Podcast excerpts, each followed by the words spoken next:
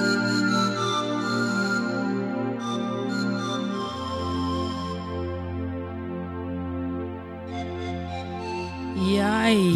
Jæja Óli Hjörtur Ólason Natalí Guðrýr Gunnarsdóttir Það er komið að þessu Það er komið að þessu Season 3 Já, uh, mér langar bara að byrja á því að bjóða alla velkomna í þáttinn á meðan Meðan nótunum Við erum snúin tilbaka Við erum komin tilbaka Við erum fyrirgefðu. komið tilbaka, Við já erum komin tilbaka eftir ágætis hlje og já, hvað getur maður sagt, Óli? Gaman Ég veit að það sjá ekki. þig. Byrja Gaman að þar. sjá þig Ég sömulegis ætla bara að byrja þar, gaman að sjá þig.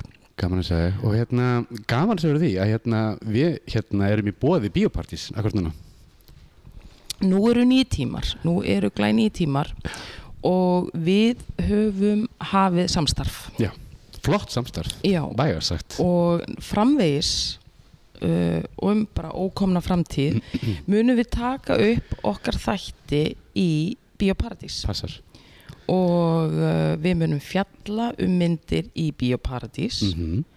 og svona segja, svona já, vera svolítið með dagskrána sem að er, að, að, hérna, er í gangi og verður á árinu við, verum, við verðum með hana á tandur tæru Við verum, við verum miðan ótur um þar en ég var að hugsa Óli sko, Hvað? við í gegnum tíðina Mhm. þegar við erum að tala um bíómyndir sem við gerum ósjaldan þá höfum við alltaf mjög reglulega talað mjög mikið um bíóparadís og ég var líka að hugsa Óli af því að við erum mjög svona sönn og sangkvæm okkur sjálf vil ég meina Mhm.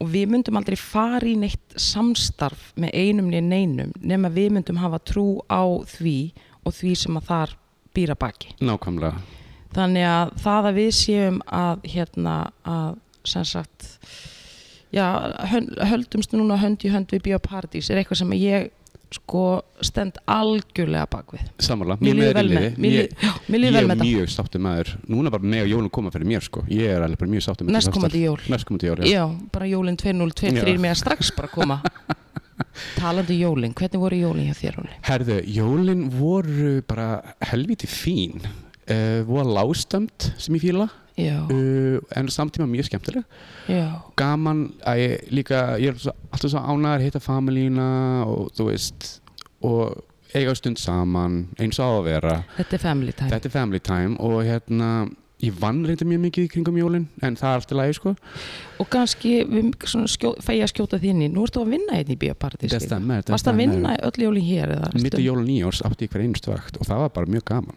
Vá, Ég vann mér eins og nýjársdag nei Jú, Hvað toppaði það var, var, var, var síningar bara Lord of the Rings síning Aha. ar síningar, alla myndina voru síndar 12 tímar straight ég ætlum að hugsa það er fólk langt. mætti á náttfötunum mér finnst þetta bara gaman, Að mér finnst það? það aðeinslega Já, ok, stemning þetta var mjög stemmari svona er bíóparadís í því að búa til stemningu Mhm. þetta er nefnilega ekki bara bíó þetta er stemning, þetta er svo margt ég veit það en hvernig voru jónu þín, sko? skan? Heyrðu, ég verð bara viðkjörn það, Óli Hjörtur að ég átti indislega jól ok, já, bara þau bestu í langa tíma eða? já, ég al- algjörlega get bara sagt það já, já, viltu ekki fara út í það eða ef Ég- ég... bara segja það gott nei, ég get bara sagt að ég var alveg sko í gegnum tíðina eins og þú veist, hef ég ekki verið mikið jólabat mm og átti í svona smá ástarhattu sambandi við þessa hátíð en Ok. svo í fyrra mann ég að hérna ég hugsaði að ég yrði að aðeins breytum attitút ok, og ég yrði að sko að því þetta er allt í mínum höndum hvernig tilveran er passar, passar og svona hvað afstæða ég tek hérna bara við, já, lífin og tilverunni þannig ég hugsaði, veist það Natalie núna ætlar þú aðeins að reyna að vera í meira jólaskapi ok, það tókst ok, og ég var alveg stóð með að því að- að vera með jólastöðin í gangi bara í fullu plasti í, í hérna meðan desember í fyrra og var að syngja með sko, ég var alveg þar þannig ég hugsaði, núna er jólin aftur og þetta er aftur spurning um attitude ok og ég fór bara vel stemt inn í jólin og átti bara svona líka indisleg jól já, já, róli og fín skilur ok en bara indisleg og hvernig var gamlás? Heyrðu, gamla svo þannig, elsku mánu minn, hann er svo, veistu það, þessi flugeldar, þeir fara rosa illa í hann ok, oh, og uh, hafandi sko vitandi hversu illa þeir fara í hann þá fór ég til dagfinns og fekk upp og skrifa róandi þannig að ég var bara með mána og rífotrill hérna lokaninn í herbyggi ok, hann var alveg, þú veist, hann var slakar en allt slagt og í, bara sem í rugglinu skiluru, hann var ekki að Greyið. brjótast inn en að, þú veist en hann var í rugglinu og þannig ég átti bara hérna, ég var bara með mána og, og hérna elsku og hvað er bara orðin kærastunni gaman? minni. Ha, hvað er orðin gaman? sex ára, hann átti ammali um jólin Jésús þannig að við vorum bara þrjú að, að hérna, já já, ég og kærastin mér vorum Ok. bara að hlúa að honum og mána og, og horfa á skaupið og hafa bara næs fórum bara mjög mjúkt inn í nýjárið sko ok, þannig að þetta var indislega stund sko. Oh. ég hefði ekki viljað skipta það borðaði náttúrulega góðan mat og hitti gott fólk fyrst og, og svo Ok. endaði þetta bara í þú veist þessu sko ég verður að segja, ég fekk aftur ást eh, svona ást aftur á malt og appisín Ah. aha, já, ég var aldrei sérstaklega jú, ég var svona, njö, svona malt og appisín svona allt í lagi, erstu En- ekki að djóka, þetta er ekki ekki blanda þetta er geggjublanda en núna var ég bara, oh my god, ég meira þess að byrja bara að drekka bara malt og appisín bara, þú veist, jólun er búið núna, ég er ennþá að drekka þetta on the daily uh, on the daily girl þegar þú setur í blönduna já, ertu með 50-50 eða ertu með meira malt eða meira appisín það er alltaf sko 60% hérna malt 40% appisín Það er Þannig rólega. 60-40. 60-40 akkurat, en þú, ég er hægt að drekka malt á appisín Nú, af því ok. að ég, það er svo mjög sigur í þjóli ég er hægt í Auðvitað. sigurinu varst þú ekki sem sagði við mig að ef við myndum fara í ESB þá verður appisín ólöglegt vegna þess að það er svo mikið sigur í mér er ámærist þú hefði sagt þetta fyrir svona byggjum ára síðan já, já. Uh, við þyrstum þá vantarlega að hérna, lúta Evropalöfgjöf mm -hmm. hérna, sem að um sigurinn held drikja og þar er Egil Skatagrims alveg svoleiðis með sko, fallingun, þeir eru í rauðu en ég meina þess nérta svona gott ég veit það þú veist, þannig að já, þannig að því miður þá bara hef, hérna, tók ég ekki þátt í þeirri gleði en ég meina halló, skilur Gleði, ég gleði. stiði þetta, ég Já. stiði þessa blöndu allaleg sko, flott blanda þetta er nefnilega ótrúlega flott blanda hmm. en, en hvað gerir þú Hmm. á gamlás? Ég var bara að fagna með vinum mínum, mm. uh, Arnór og kærtun hans og fjölskyldan hans Arnórs kom og við vorum að eiga bara good times. Eh. Indislegt, Já, bara ógæslega gaman. já, Og já, ég beila heim eitthvað um fjögur, var aðeins smá eftir. það er allt í lagi En síðan mætti ég vinnuna og bara var bara hress og ég sko var smá þunnur í verða viðvíkina en ég tók það bara út annan janúar. mm En ég frestaði þingun, ég hef aldrei gert það aður. tókstu mjög lendingu, Ég tók mjúk, mjúka lendingu, mjög mjúka. ekki allir að dæma það Nei, Mm. en segðu mér annað, Aha. horfðu þið á sköpið ég horfði á sköpið. hvernig fannst þið það?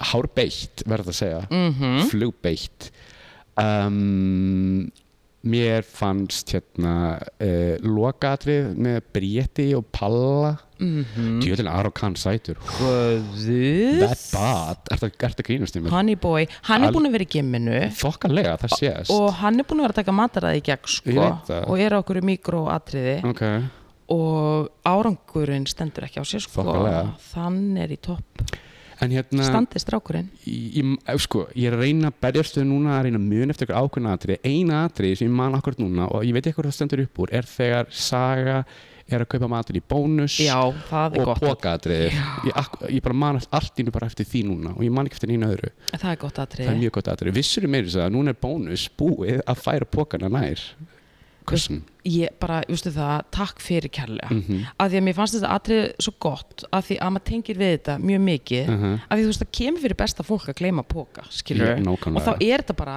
liggum við bara lengst út í raskati þetta er walk of shame Mhm. og þú er komið með vörunar á kassan þetta er bara svona, heyrðu, býta aðeins og svo bara nokkur myndu setna þetta komið tilbaka, skilur þannig að, flott þannig að bónus var að kallinu bónusvaraði kallinu, það voru rosa mörg ég, fyrir mitt leiti verði ég að segja að þetta var bara finnasta skaup svona sem ég hef séð eiginlega bara í langan tíma eða sem ég Mhm. man eftir, ég var öskrundul hátur allan tíman, mjög gott ég var fengin Óli, ég saði þér ekki frá þessu, en ég var fengin í, til að hérna, sem álitsaðili á tveimur atriðum í skaupinu og hvað, viltu segja hvað atrið það er eða, eða hvað, eða svona Viltu ekki fara bara, yfir það? ég var bara fenginn til að, að hérna, já, bara sem álitskjafi á tveimur atriðum og uh, hvort að svona mér finnist þetta vera bara í lægi Ok. ég var byggðin um álit ok, og ég gaf það og hvað álit gafstu? ég gaf að þetta væri í góðu lagi ok, og þá einmitt sá ég þetta stefnir í gott skaup þannig að þú, fyrir þau ykkar sem að vilja horfa á skaupið í endursýningu þá stendur þakkir fá og það er nafnið mitt Óli. er, er Mér-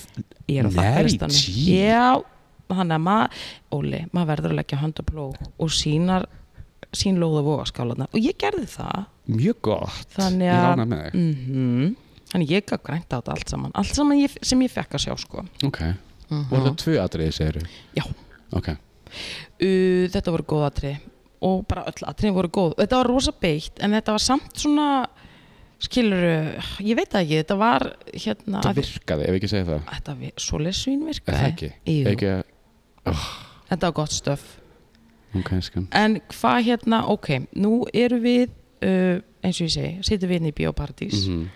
og við erum búin að sjá það eru þrjár myndir sem við ætlum að fjallum akkurat, og þetta verður fastur liður þar sem að við munum fjalla um myndir sem að eru í síningu og bíópartís Mhm. og það er náttúrulega eitt og sér ekkert annað en veistla af því að það eru bara skemmtilega bíómyndir ég veit það eða skilur það eru mismandi en það er hér er vandað til verka og hér er valið velinn Já, innköpastjórnir standi sig eins og stjarn að hún ása, sjáta þetta ásu sjátt á ásu og ég ætla að senda rísa sjátt á Mm. hana Hrönn Sveinsdóttur Absolutt, sömulegis hún er að standa sig vel Dúllan en ok, það eru þrjár myndir sem við ætlum að fara þetta eru rosa myndir Mhm. uh, við skulum bara byrja á hérna svakabombu Triangle of Sadness þetta, hvað fannst þér um hana? Hvað fannst mér um hana? Þú sást hérna listan sem ég gerði top 10 myndir ársins Sí, Hún var nummer eitt hjá mér já Triangle of Sadness er bara ógeðslega vel skrifið mynd ógeðslega skemmtileg, hárbeitt talandum be sko beitt, beitt, mjög beitt og hérna mjög ánægð með hana og að bara mínum að þetta er besta mynd ársins 2022 uh, mjög vel leikinn og bara ógeðslega góð og hérna hún var mjög vinsal hérna í bíóinu og síðan sko eftir hún vann Evrósku kvikmyndaverlunin hún, hún bara tók allt þar nú skulum við bara aðeins hæja á og, og, og hérna undirstyrka það sem Mhm. þú varst að segja Evrósku kveimdavelunin voru haldin inn í hörpu Mhm. og hún vann, hún, Hún vann. sópaði til hún sín sópaði sér við sko, við sko ryggsögaði öll verlunin að, að sér Bara- bara að sópa allt saman tók við öll, tók öll, Röfun Östurlund bara leikstjóri, myndin, dili, de heili dehula og það er að góð ástæða fyrir því þetta, já, halda áfram En því það segir sko að hérna uh, hún tók svo mikið stökk eftir hún vann verðlunin, verður sem hún var mjög vinsæl sko, en við erum að tala um það að hérna ef ég væri þú og þú ert ekki búin að sjá hana her, kæri hlustandi, ég myndi að kaupa með það in advance vegna þess að hérna, Nú? já, það er búið að vera svoleiði sko fullir salir Já. af þessa mynd sko, hún er búin að slá í gegn hérna að góðri að ástæðu, góðraðastu, hvernig fannst þér hún?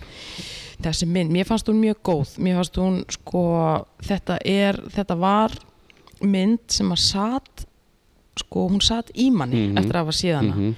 og mér fannst þetta vera brjálaðaslega góð ádeila á samfélagið sem að við búum við í dag og samfélagið sem að við erum búin að byggja okkur upp í dag Mhm.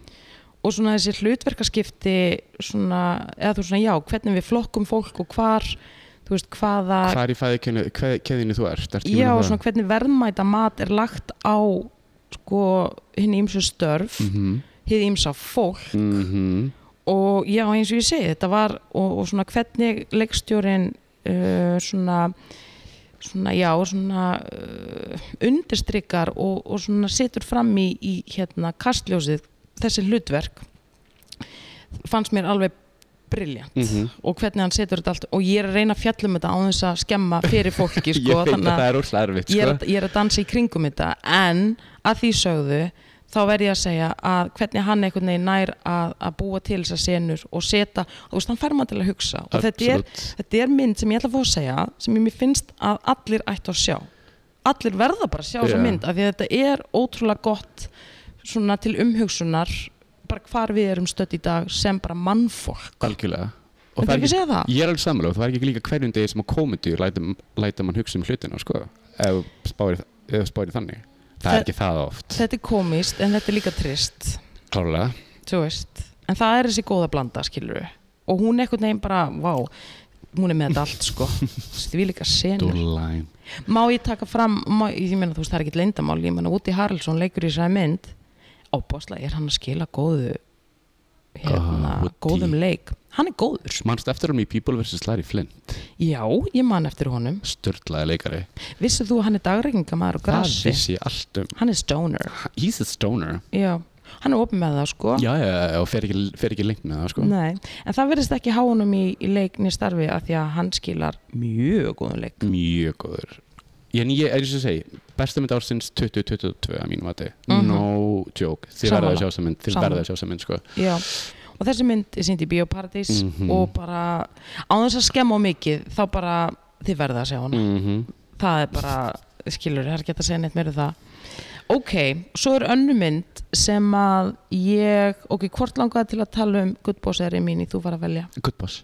ok, uh, svo er önnu mynd, spænsk mynd mm -hmm. Sem að- Espanjol Espanjol, Espanjol sem heitir The Good Boss Hvernig myndir þú segja, ég, ég er einlega að hugsa hvernig það er á spænsku El buen patrón Jú, eða El Bueno Jefe el buen jefe Javier Bardem leikur aðalhutverki í þeirra mynd Mhm. og talandi um að skila sko góðum leik hann gerir þetta brjálaslega vel Hann er frábær ef að hann sko, ef að hann er ekki í gójuna þeirra þetta Hann vann góðina fyrir þetta there you go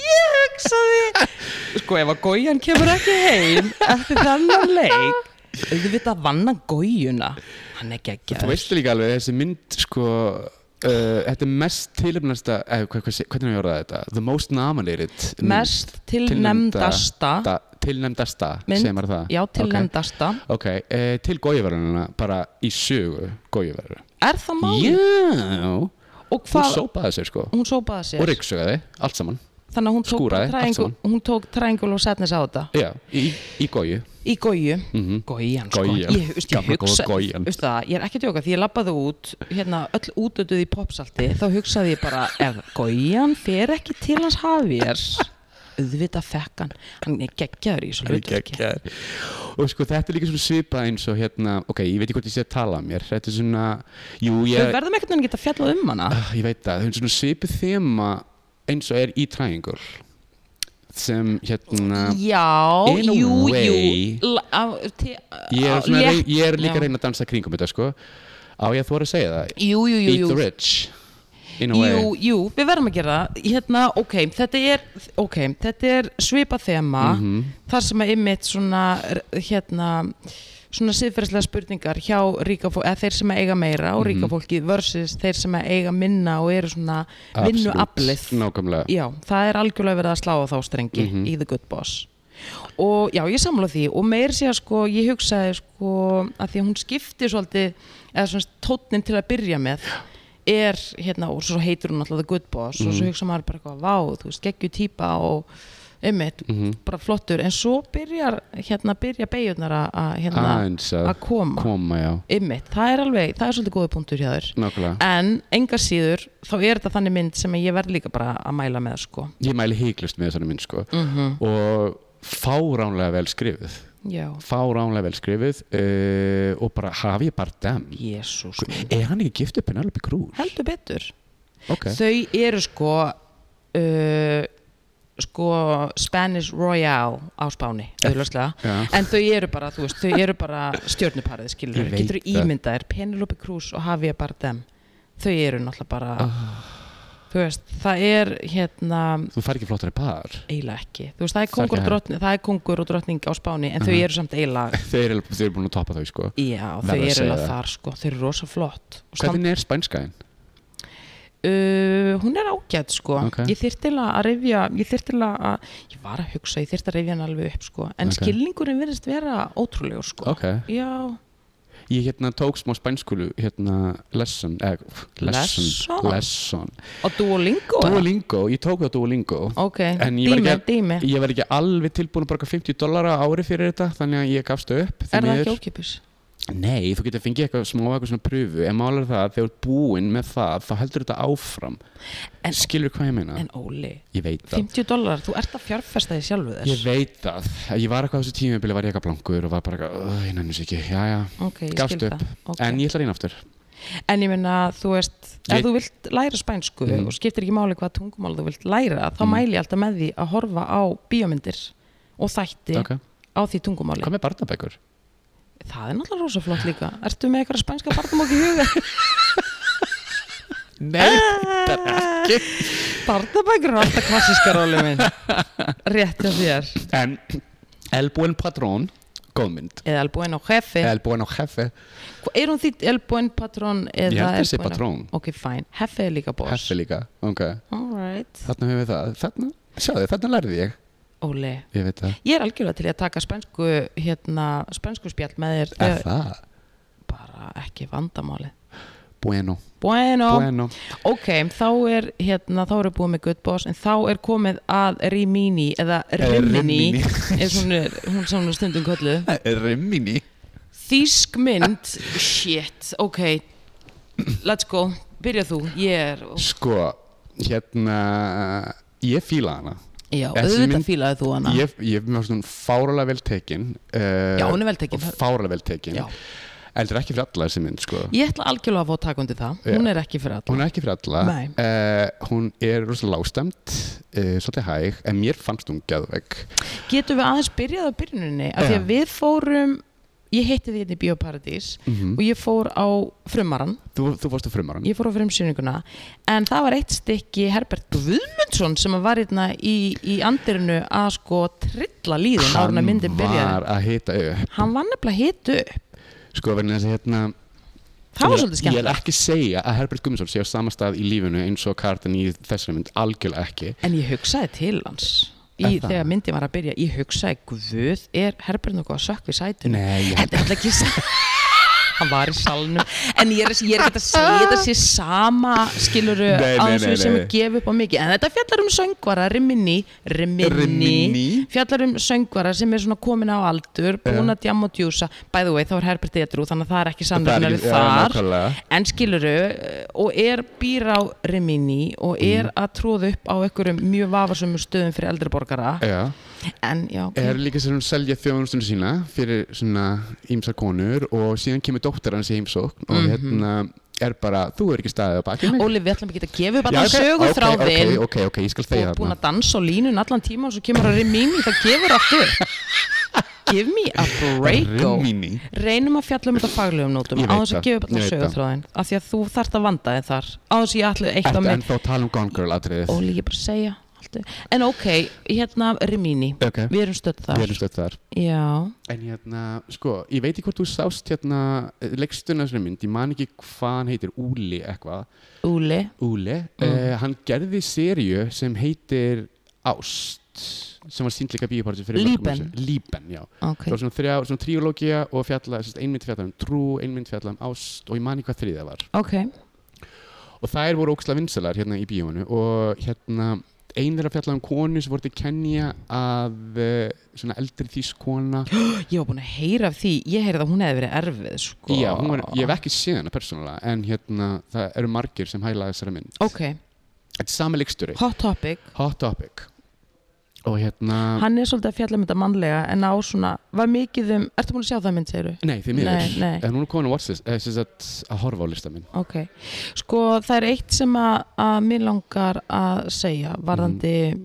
Rimini og svona sem að ég hefði alveg vilja fá að vita af áður Ok. ákveð trigger warning en það var, ro- og, og þá hugsaði ég þetta er náttúrulega þjóðverjin Já. þeir, þjóðverjar eru rosa mikið fyrir nekt þeir eru það þú Eru veist, þeir það? já, þeir eru það nefnilega og þú veist, það er svona nútist þeir eru, þú veist, já, þeir eru alveg fyrir það að vera á sprellanum og, og, og sprellunni og vera bara sprellandi Akkur skilurðu. er það? veit það ekki Óli, ég hreinlega veit það ekki Ok. en þeir eru alveg þar Ok.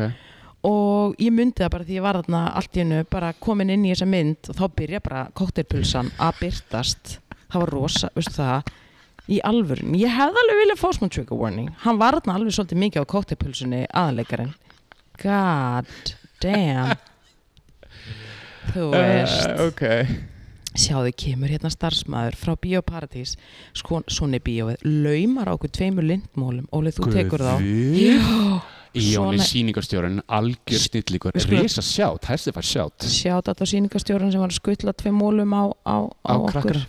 ég blessi þetta Mhm. bara Ég blest en ég ætla samt að segja, aftur að koktepulsunni þú veist, það var rosa mikið af svona af erfiðum svona, fyrir mitt leiti þú veist, ok, nú er ég ekki fyrir koktepulsuna ég bor ekki koktepulsur og ég er bara ekki fyrir ásýndina heldur erfitt Óli, sorry En hvernig trigger warning hefur þið viljað fá? Hefur þið viljað fá okkur svona fyrir myndina trigger warning, cocktailpulsur, inside ég veit það ekki, ég veit ekki eins og hvernig þetta var við þessu, en þú veist, ég bara allavega hana, ég þurfti bara, já það var alveg, þú eru erfið að sinnur þannig köplum, en að því sögðu, mm. allir ég fá að segja það eru alveg brjálaðislega flotti rammar í þessari mynd Sturlaði rammar Ég var alveg bara, hvernig fokkan hann gerði þetta? og fyrir þá sem að fíla bara, sko, bara fagurfræði Mhm. og, og svona flott sinema, skulum bara segja þetta svoleiðis, þá er þetta alveg mynd til að fara á Bara sko. fyrir allan peningin þannig að, ok, fair enough þú veist, það voru þarna kókteipulsur sem voru svolítið erfið fyrir Mhm. augun stundum, eða bara, ég ætla bara að fá sig oftast Ja.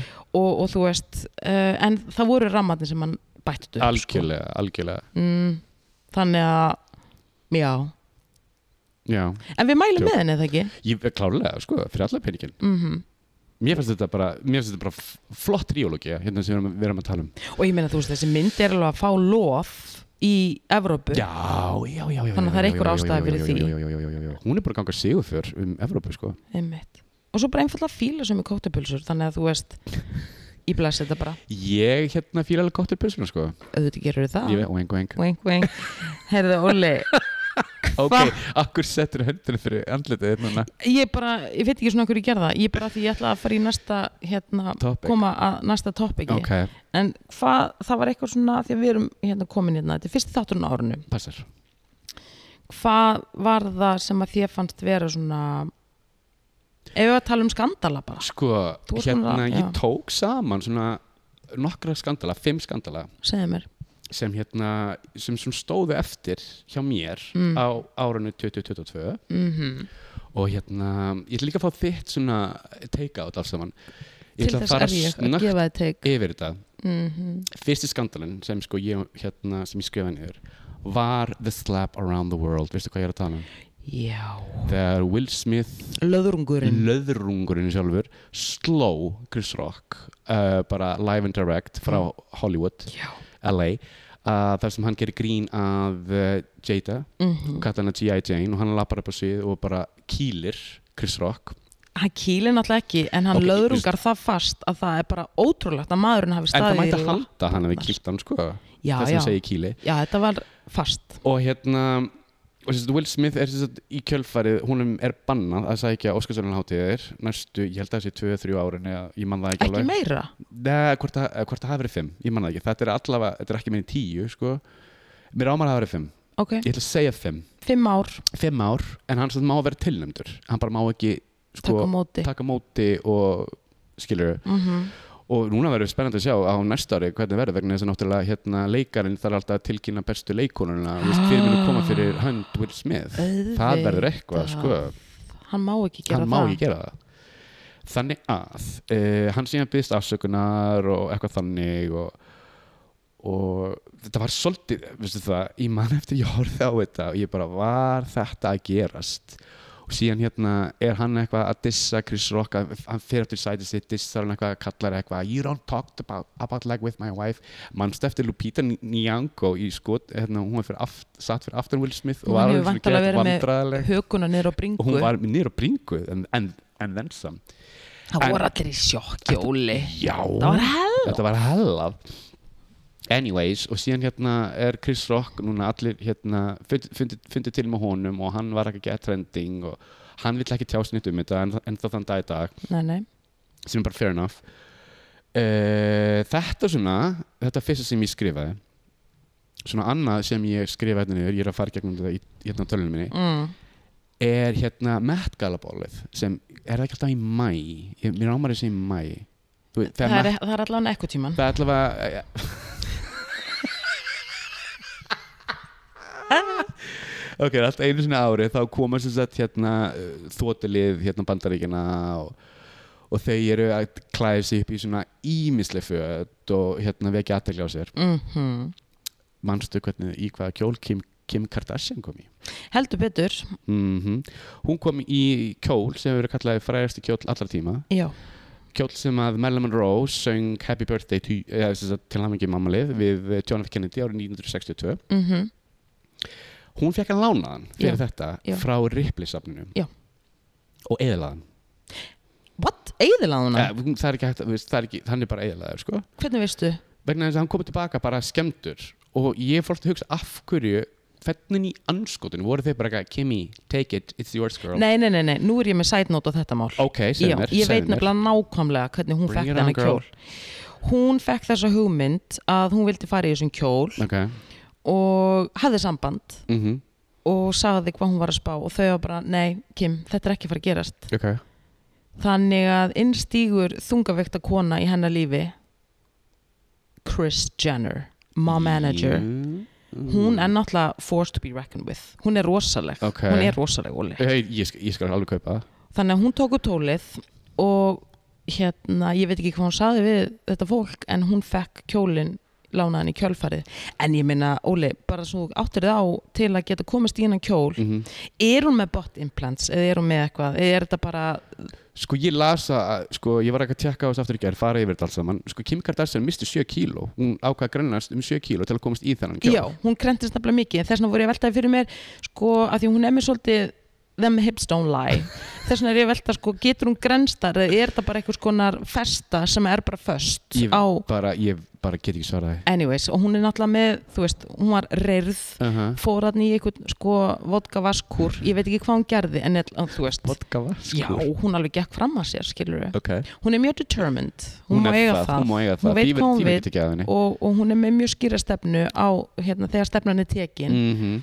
og hérna, og þetta var alveg mega vesen en eiðilega hún kjólin, Óli Hún er það Og ég veit ekki, eitthvað, sko síðan dóið þetta mál Þannig ég er ekki búin að fylgjast eða, ég skal segja þér hver drap þetta mál vantalega Hver? þá Kristjannar hún er rosaleg en hún hefur þá sko vantalega hefur þetta verið tryggt í botn hún hefur vantalega þurft að borga eitthvað sagt sem hún er á vel inni fyrir Eh, hvað klála en leðilt að heyra samt Ég veit það en er ekki hægt að sauma upp í þessu sprettur eða ángríns Ég veit það ekki, hérna sko, þetta er náttúrulega sko, við erum að tala um þetta frægur kjóll allra, allra tíma uh, hvort þessi aftur komin á display okkur að Marlon Monroe gínu veit ég ekki, sko, eða hvort hann sé bara inn í einhverju, einhverju geimslu þarna, eitthvað, I don't Áli, know, sko. ég ætla bara samt að segja það er til En rosalega það- mikið að það færu kom uppsprettur, sko, rosalega mikið sko, Ég og óli. fólk var ekki sátt Óli, það er bara til rosalega mikið að færu sauma fólki mm, sauma mönnum og konum mm og það skal enginn segja mér að það sé ekki hægt að, að hérna, sauma upp Jú, í þessu sprettur en klárlega, leðilegt sko. samt hún hafi en eigið við erum að tala um þetta frægur kjóll allra tíma já, já, klárlega, ok Hún það söndi þetta er ekki, hamingjum ammalið við John F. Kennedy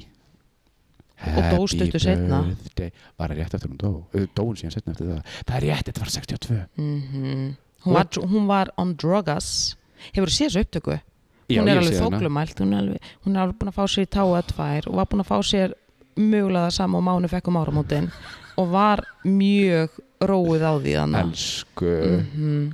Oh. aðeins við fyrir með eitthvað meir út í það Nei, erfið saga erfið saga en hún var rosa flott og leðalegt að Kim skildi eðalega kjólinn Sástu líka þess að þróta mynd á Netflix að síðust aðarna bland Ég lagði ekki í það. Minn góður, ég, ég slökti eftir því korter, ég var brjálar Ég var brjálar, ég vil ekki fara út í það ég Nei, var við bara skulum reiður. ekki fara til það. Herðu, þriðja mál hérna Það er hérna drullan hann Kanye West Það var líka hjá mér. Getum við, f- ok, Óli, s- þú veistu það, ok, hvað er maður, byrja ég, ég þú, bara, ég segðu bara veit eitthvað. ekki, ég ætla að byrja bara á það að hérna, sko, hann býr til þetta lag hérna Easy, sem er alveg hundlegaðilegt og hérna drull yfir í Pete, David, Pete Davidson Það var alltaf styrlaður Ok. okay. reyði við því. þegar eftir að Kim hérna hætti með Kanye og fór í beint til Pete Davidson Mhm. og síðan hérna býr hann til hennan fucking ból, White Lives Matter og sýnir hann Oh. á hérna tískusynningun í París fyrir brandið sitt Easy Já. sem náttúrulega, uh, sko, allir voru náttúrulega brjálæðar yfir Tú, til, a, til að gera langarsöðu stutta, þá fór það ekki vel í mannskapin. Nei, það er bara vægar sett ekki uh, og síðan bara heldur þetta áfram síðan hérna segir hann Þar samt, sorry, ég ætla bara aðeins að fóra skjótinni, Ja, gjörðu svo vel. en það er akkurat með þessum ból og þessari tísku viku, Ja. þar sem að hann byrjar að spærala í sko fymtagýr niður á við. uh, sjötta gýr Já, í turbogýrnum. Já. Af því að, já, ok. og síðan hérna sem sagt, sko, kemur hann með þetta antistameric mark um gýðinga Já. stöttu setna eftir Hvað er það hann að segja þar?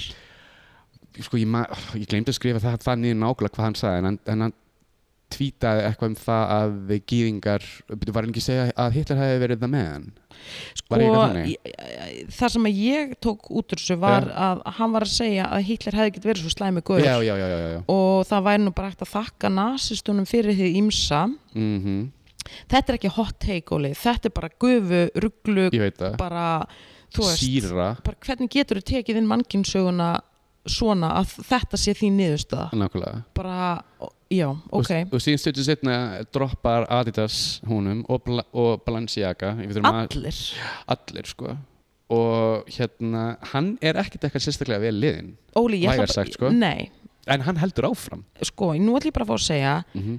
about motherfucking time að þetta sé búið að gerast Mhm. af því að við erum alveg búin að fjalla mjög mikið um hvað hann er að hérna, þegar hann er, sko, hann er búin að vera skautundum á gillina henni ógeðslega lengi hann er búin að vera sko, þú veist, það sem hann hefur sagt það sem hann hefur gert, ekkert af þessu er búið að vera í lægi en Algjörlega. í skjóli fræðar í skjóli bara status í lífinu Já. það hefur hann komist upp með þetta absolutt nema núna loksins hefur hann bara gengið oflant og gengið sko, það langt fram að fólki að ég held að það sé ekki snúið tilbaka Já, en sko, mér, það var, hann var aldrei yðrarsnýtt og aldrei fyrst afsökunum um hann sínum að, að Nei, ég held, nei, sko. en það líka snýst þetta ekki um að hann yðrist, þetta snýst um að hann sko fá ekki lengur þetta plattform til að vera að tala með raskatuna á sér Nákvæmlega skilur, af því að þú veist hann er hérna, þú veist hann er með uh, já, hann er með bara brjálæslega stórt plattform og það sem hann er búin að segja er svo svaklega Ég veit skadalagt það. þannig að ég segi að loksins er bara búið að setja tappa í, þann, í þá flösku Mhm, þú sammála. veist. og hann er ekki lengur með ég meina networthi, það sem hann er virði er búið að droppa um marga marga miljónir Mhm. þú veist hann er ekki með þessa samstarfsamninga við þessu stóru fyrirtæki af því þau eru loksins bara heyrðu fyrir ekki, við getum ekki sett nafna okkar við þetta þú veist, er ekki búið að loka hann á Twitter Jú, jú, jú og þá er nú mikið sagt sko. með Elon Musk á kantinum Nákvæmlega þú veist, uh, þú veist að hann allar að bjóða sér fram til fósetta aftur mm skilur og ég veit það ekki, þú veist um, nú er ég ekki að segja sko þú veist, hann er veikur og allt það en það er bara eitthvað meira þarna, skilur hann er bara með, þú veist uh, Var hann ekki búin að segja að hann væri bipolar? Var ekki eitthvað þannig? Jú, en ég er að segja, Óli, það er til, En sko, það er til okkar að- ég veit flottasta, þú veist, það er, það er ekkert að því að vera bæpólar. Ekki það, eh? Það er bara nákvæmlega ekkert að því, nákvæmlega skilur við. Mér finnst bara að, hérna, þú veist, það sem hann er að gera aftur á móti, þ- it's on a different level, Nákvæmlega, skilur við. It's on a different level. algjörlega Og ótrúlega skadlegur málflutningur sem hann er búin að, hérna, ha, og þú veist, að setja White Lives Matter á ból og halda tískusýningu og vera með plattformið þið mitt í það. Mhm, Þú veist, hvað er að frétt? Ég veit það ekki Gaurni lasin. Það, Mm. klárlega og við erum alveg búin að segja það svolítið lengi að það þurfum við aðeins að fara að aðtúa bara með allt það Síðan líka held ég líka að hann sé bara umgríndu fólki sem segir bara já við hann Er bara já, ekkert mál kann ég þú veist, auð, svona- ljós, le... Svona svipa eins og Donald Trump þú veist, Það er allir bara já, ekkert mál, ekkert mál ekkert sorry mál, með segir mig já, já, já, já, ok, já, já, já. sorry með mig en ef ég væri fengin í eitthvað svona ráðgjöf og það væri bara þangatangur í gangi Mm. Já. og fólk var að kasta boltanum á milli Já. og ég myndi fá boltan og bara, hvað finnst þér um að vera að setja hérna White Lives Matter á ból get ég fengið álit, ég bara, já, ég skal gefa þér álit það er ekki lægi, good sir Sammála, það er ekki lægi sammála og það skal hérna og þetta er vandamáli við svona jáfólk að þú keirir út í skurð sko miklu fyrr eða skilur ef að enginn er með gaggrina hugsun Mhm. hérna, og enginn er að gaggrina á það sem þú veist að gera Nákvæmlega þessi maður þarf aðhald hann er ekki með neitt aðhald og hér eru við stödd en sko en, hvar, en hver er samt staðan á honum akkurat núna Ég held hann sé bara lame low Ég er alltaf ekki búin að heyra hennar frétti Thank God af honum undarfærið Ég veit ekki með þig En mér finnst bara svona að vera ekkert í umræðinu Vanandi hann núna sko já, mér finnst það líka bara allt Mér í finnst líka góðu bara allt í lægi góðu sko. með það, sko. komið tími til mm lay low En- and lay there Ég veit ekki samt hvað hann er að fara að gera þú veist, Það, það kemur bókað eitthvað upp á bráðum Ég lofaði því Já, en ég óskaðis bara innilega að þú veist að hann taki þessum hérna, taki þessu til sín og, og fari bara að huga að ein heilsu -hmm. I agree og að I kannski, agree. þú veist, átta sig á því að ég ljósi þess að ef hans innsti ringur getur ekki sagt nei við hann eða getur ekki, þú veist, gefið honum eitthvað skona aðhald, þá er allavega heimurinn í dag búin að- að svara honum, sko, Nákvæmlega þetta Flott, er ekki flott lokorð verði já, ég að segja þetta er ekki Verði að lægi, ég, hérna, já För- ok, Það var sem að heiti hamsi hérna, finn ég nei, nei, bara höldum áfram Herðu, númer fjör, ég tók líka hérna eitt hérna það er aftur um Balenciaga Já, ok. mannstu þetta herrferðinu sem þau tóku í nóvember með Mm. hérna BDSM-byrninum og hérna krökkunum það það, voru ekki það ætla feminine. enginn að segja mér að það hafi ekki verið eitthvað fulltrúi frá Balenciaga á þessari myndatöku og verið bara eitthvað mm, jú, jú, þetta er allt í góðu hvað voru það að spá? Já, byrju, þú voru með börn í BDSM Þú voru- fatnaði Nei, þú voru með, sem sagt, ég var eitthvað að skoða þetta á hann uh, til að rifið þetta upp, þá sem sagt, var uh, til dæmis ein mynd var ung stelpa að halda þetta á svona BDSM björn uh, svona bánsa mm og síðan voru einhverju pappýrar alltaf í kringum og það var eitthvað svona löf, eða eitthvað svona pappýrar um hérna, ég man ekki hvernig það var hvort það var eitthvað svona varandi eitthvað löggjöf um barnaréttindi Já, já, eitthvað þannig, ef þú Screeching. súmaði virkilega inn á það sko. screechið uh, þ- þessi herrferð kemur út og allt verður auðvitað brjálað uh, uh, já, For a reason for a reason og síðan stjórnum setjum komum út með yfirlýsingu þar sem hérna, ég er með þetta hér, ég ætla að segja þetta á hansku we take this matter very seriously and are taking legal action against the parties responsible for creating the set and including unapproved items for our spring 23 campaign photoshoot mm We strongly condemn the abuse of children in any form. We stand with children's safety and well-being. Sko, enn og aftur, var enginn þarna frá Balenciaga og sem þetta bara, herðu, kannski erum við að ganga aðeins og langt með þetta gig. Ef við Óli. ekki aðeins að tone the fuck down. Nú skulle ég bara segja hvernig Mhm. svona auðlýska herrferði virka Bring it on. uh, að sjálfsögðu var ykkur frá ba Mhm. Balenciaga Yeah.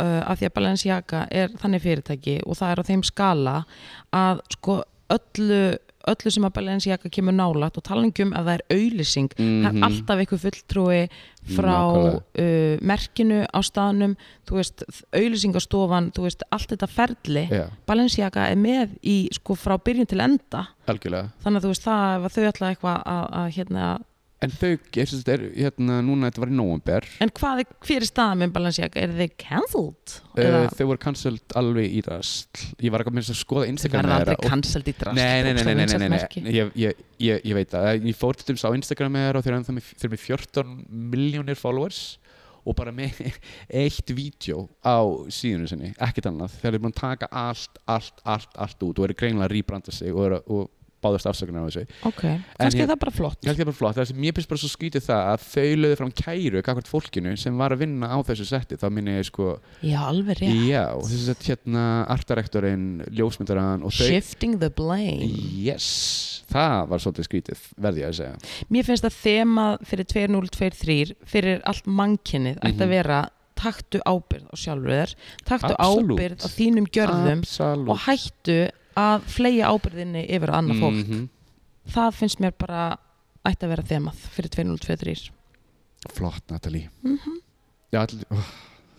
Djöfull var þetta- var þetta eh, gott hjá þér Já, er eitthvað annað sem þú vilt ræða sem að fór fyrir brjóstið á ef þér? ekki bara, jú, ef hérna mér langast að fara fljótt yfir þetta vegna Já. þess að maður fyrir svo ógæslega mikið töðunum með það er motherfucking Elon motherfucking Musk sem getur Twitter á 24 biljónu dólara og Já. gjörslega rústa hérna Twitter Já, rakal mikinn af hvað, 75.000 starfsmunum, nei, wow, fyrir ekki 7500 afsakið starfsmunum sem unni á Twitter síðan sko byrjum með þetta Twitter Blue dæmi sem náttúrulega feilaði eftir þrjá daga og ég var í kaffi með hérna stelpunum í gær, Sjárat á Alli og Hrönn þetta er og risasjátt Göggu og, og Kristinn Mær sem að ég var með Mhm. og Alli saði mér Já. the word on the street Já. er að hann rak allt hérna skúringafólkið og þar al- skúlíka fólkið skúringafólkið í Twitter Corp ok, og þú veist, þetta er okkur slúður en þetta er samt the word on the streets að starfsfólkið í Twitter þurfa að koma með sin eigin klósetpapir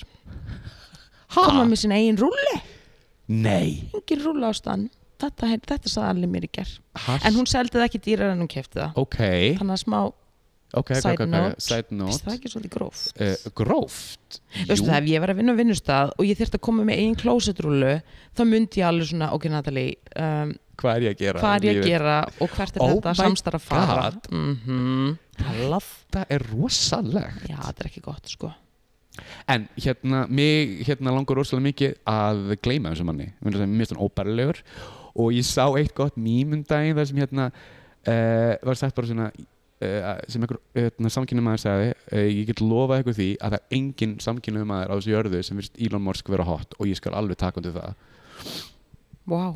bold Mhm. statement Þetta er bold statement og ég, ég bara fjöl já, ég tek undir þessu, Ok. tek undir þetta þannig að þú ætlar að reyna að gleyma Elon Musk Mér langar 2023. helst bara- sko hann, sko Kanye Trump, Mm. mér langar bara ekki að heyrum þetta lið glemdum svo Sorry, mönnum nei, gleymum skulum þessum ekki mönnum, tala sko. meira um þá nema Nei. þeir koma með eitthvað sem við getum ekki annað en rætt That's en við what I'm skulum bara saying. gleyma svo mönnum Gleimum sem hennum ok, uh, það er eitt sem að mér langar til að, að hérna fjallum eða, þú veist, sem að mér fannst svolítið illa vegið að okkar konu Ok, og reyndar fannst mér þetta svona og þetta er svona líka bara svona um pælinguna hvað fyrirsagnir oft geta verið svona kannski var þetta klikkbeita en apparently þá sáðun þetta, en mér langaði bara svona þess að spurja þig hvað þér fyndist um þetta en þá sem þetta var Sigga okkar beintins í viðtali hjá shout. Gústa B sem er þarna einhver, einhvers konar samfélagsmiðla eitthvað ok ég veit ekki alveg, Ég veit þú ekki hver veist, það er. hvað hann er Gústi B. Getur verið að hann hafi orðið frægur þegar hann fann einhvern ref eða eitthvað tófu, einhvern ref og, og, og hérna ákvaða alan þennan ref upp, hann fann hann á Bíddu, viðavangi Núna- og mast var komið í málið og hann var á flóta með hennan ref Ó, er alltaf það með hann? refin Já, hann allavega varð frægur í kjölfari eða skilur við frægur, frægur skildi kalla hann allavega fekk eitthvað þátt og er með þátt sem heitir Veistlan Ok, og ég meina Ah. podcast, ha, podcast segirðu um, Er þetta, er þetta, er þetta þáttur, ég held að það sé þáttur gæti verið að það sé á FM eða bylgjunni ég held Ok. að það sé svona dæmi sko Ah, ok og hann allavega fær Siggu okkar beintins í viðtal Mhm. þetta er á FM held ég Ok, og það sem að þau eru að fara yfir lífið og tilvöruna og svo var skrifað viðtal upp úr hérna, skrifað viðtal upp úr þessu sem sagt, út af sveitali sem hún fór í ok og fyrirsögnin hjá Siggu en semst fyrirsögnin af viðtalinu var stundum einmannalegt að bara Sigri, Sigga Beintins stundum einmannalegt að vera einhleip en fínt að geta prumpað í friði mannst eftir þessu fínt að geta ég hugsaði, Þetta er illa vegið okkar konu mér finnst alveg að hann hefði alveg getað, þú veist, þau hljóta að hafa spjallað um margt ja. en þetta var ekkert um það sem var tekið út úr Ah. Er viðtalinu þetta eitthvað clickbait? en, hún- klárlega sko? en clickbait, apparently þá segir Sigga þetta, hún er búin að vera single í þrjú ár Ok, og, en, þú veist, og hún viðkennir það er stundum einmannlegt Já, að já, að já, vera já, já. singul en samt fínt að geta prumpað í friði ég er alveg samlega því Skal alveg- nú erst þú við getum singul er það stundum En einmannlegt en, sko- er fínt að geta prumpað í það. Mér friði finnst þetta Sigga er það mikið drottning að hún hafi alveg skilið betri fyrirsögn en þetta ég verð að segja mér fannst það, hún var flott í skaupinu góð inkoma sko. Tal, og ég hugsaði líka bara þetta er nákvæmlega hinn útopíski heimur drauma heimurinn væri að hafa Siggu Beintin syngjað á göngunum Ég ef maður veit væri laður inn einhvers staðar Queen Sigga the dream y'all Ah, Svo fannst mér líka ákveðin skandal hversu mikið, og þetta er bara já, þetta er mitt innleg í innan skandal hérna þessa skandalumræði Ok, Mér fannst skandal og finnst skandal hvað Kleini fekk mikið pláss í fréttum og umræðu eftir að hann kom úr fangelsi á Benidorm eða hvar sem hann var og það bara, þú veist, hann er nýlendur gaurinn eftir að hafa verið í fangelsi og ég menn þú fer ekki í fangelsi fyrir að selja blóm,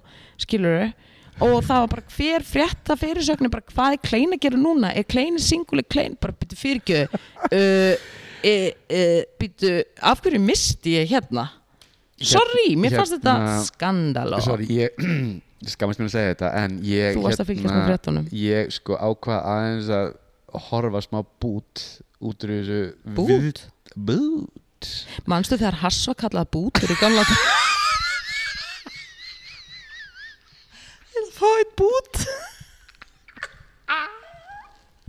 manstu ég er alltaf að vera Herri, það var tvo búta hér Þrjá búta takk Áttu bút? Áttu bút Bút Eða Getur við ekki sæl bút Hérna sem að bút nei, þá var það bara bút Bút að ætla að fá þér eitt bút ok, fyrir ekki, sorry, ég veit ekki nú er kaffakikkin loksins Kathín, já ok, halda áfram, þú horfður á bút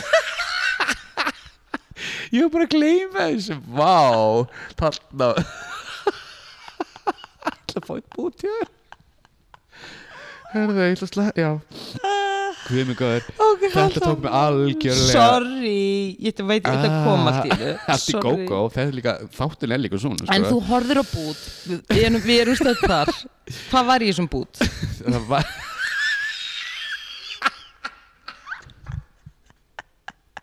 Hvað var í þessu bút? Strákar, Ég get ekki, ég get ekki haldið að voru vera þátt núna Jú, ég, ég er orðslega forvitin Mér langar að Herri, vita hvað ok, var í þessu Sorry, hérna, uh. ég frétti frá vinkunum minni að hérna uh, hún hefði hort á þegar Kleini fór í viðtal til hérna uh, ég hatt að setja nafn, Sölva Fór Og- hann í viðtali og sölva? Já, og, og hérna hún sagði að þetta verði bara mesta kast í heimi Er þetta nýlegt viðtal? Þetta er svona ég veit ekki, þetta er svona tveir mánuðir kannski Þannig að eða hann hefur mánuður. verið komin úr jailinu Hann Hann var kom- ekki langt síðan hann Nei, þetta var, hann, var, hann var komin úr jailin og hann er að lýsa sinni reynslu þarna Mm. og þetta var eins og, ég veit ekki, eins og bara myndina Escape from Alcatraz, þetta var, hann sko, þetta hljómaði eins og þetta væri eitthvað, ég veit það ekki eins og hann var bara í helvíti fair enough, ok, spænsk fánsk spænsk fánsk fangelsi, vá, þetta er spænsk fangelsi, mm -hmm. er, er þetta að segja þetta eru náttúrulega örgulega ekki eð- auðveld eins og öll fangelsi Nei, nei en þú, sko Natalie þú, sko, þetta var svo farfetched og þetta var svo steikt og þetta var svo ótrúlegt og hvernig hann bar sig og hvernig hann talaði um þú veist, hann var eitthvað, já, stunga árusur á hverjum degi og þú veist, og þetta var bara óslega erfitt og ég meina, þú veist, og ef þú, ef þú varst ekki í klíku, þú veist, ég var alltaf þú veist, ég var með pólverunum í klíku og síðan var bara eitthvað, allir að drepa, hvort- þetta var eitthvað bara fárulegt þetta var svona beyond og ég sit þarna heima hjá mér, horfa á þetta og ég bara, hvað er ég að horfa á? En samt horðuru Þér Já, finnst hann þetta- sæturóli Mér finnst það núlsætur Ok mm, Núl Akkur, akkur, he- akkur heldur um Ég veit ekki að því að þú veist þú bara Nei, horðir þetta var bara svo fyndið og, og sko, þetta var bara svo fyndið og svo ótrúlegt viðtal ég, veist, ég, ég, sko, ég ætla ekki að mæla með að horfa á þetta en þetta er sölvi og mér finnst hann ekki neitt ekki sérstaklega skemmtileg fjölmælamæður Mhm. En ok, þannig að hann En- sem sagt, já Já, hann sem þetta fór í viðtal til sölva en ég reyndar ekki, sko, hann fekk alltaf mikla aðtekli og fyrir hvað, fyrir að vera í ykkur fangelsi, þú veist, á Spáni og hann var að leita ykkur vorkun, bla bla bla bla bla Sko, e, e, sko það, mínar, sko You reap what you sow Já, en sko það sem að ástæðan okkur mér finnst þetta að vera byrjum að byrjunni Mhm. uh, Er þetta ekki ofbeldismæður?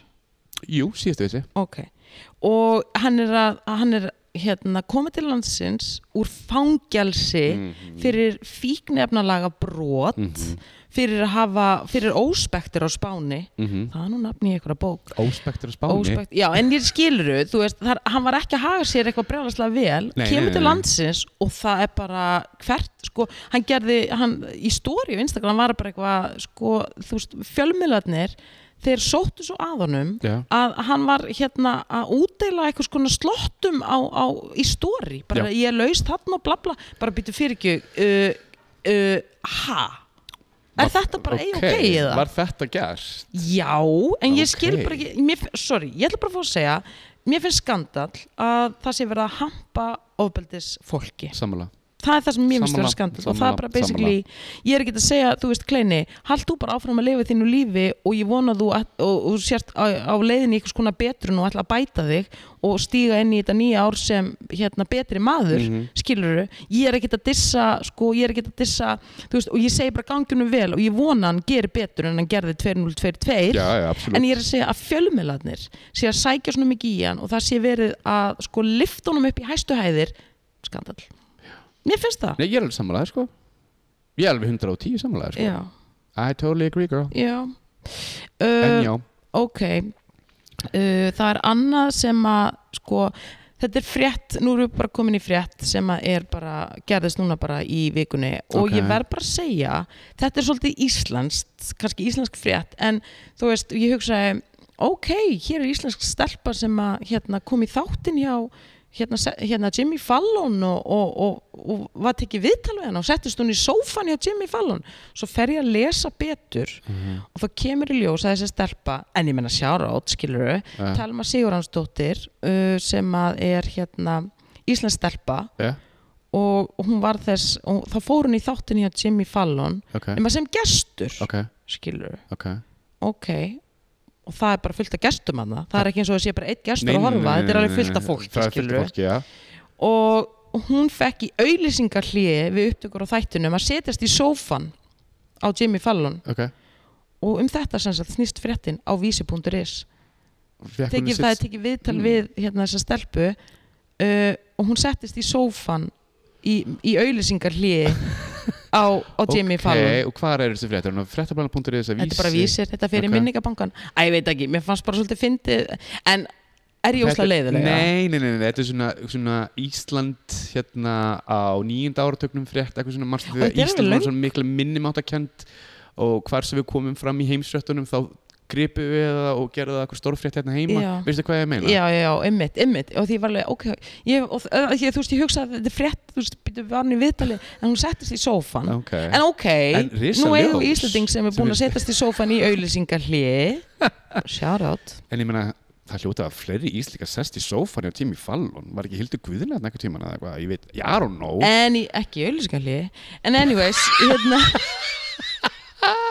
ný kategória En ljós, En svo er annað sem að við hérna, mér langar aðeins að fjallum Hvað er og eða svona ræða við þig um, sér, okkar kona Ah. okkar allra besta, besta, besta, besta Mhm. hún er komin í að kærasta ha? já, sér Akkur færst mér eins og þú hefur sagt eitthvað fyrir ári síðan, hún er komin í hann gaur var það Alexon- Alexander Edwards rappari, Nei, það var Nei. ekki rapparinn Alexander, hver, hver er rapparinn Alexander það er það sem ég er að reyna að segja frá Bring it on girl Uh, sér er komin í hann kærasta, hann heitir Alexander Edwards, Ok. er rappari og music producer og uh, hann er 36 ára Já Er hann sætur? 40 árum yngri en hún Any thoughts on that?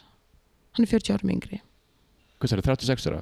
Hann er 36. 36 ára gömul Já Hún er 76 í samt, hún lítur ógustlega vel út 76 Hún er ógislega flott uh, Já, og ef einhver getur sko yngt upp um 40 ár Og það var að sér þá er það sér, en þau eru saman Óli En hérna, segðu mér aðeins frá þessu rappara Þú veist, hvað, þú veist, hvernig, þú veist, er, þú veist Hann er sjúklega sætur náttúrulega Ok uh, og hann er uh, Já, bara, Og eru þið bara happy? mér sýnist það og svo gaf hann henni risa demantsengum jólin og fólk er að, að velta því fyrir sér og Hvort velta þessi bara byðinar hvort að, hvort að þetta sé trúlánringur Hvað finnst þér um þetta, Óli?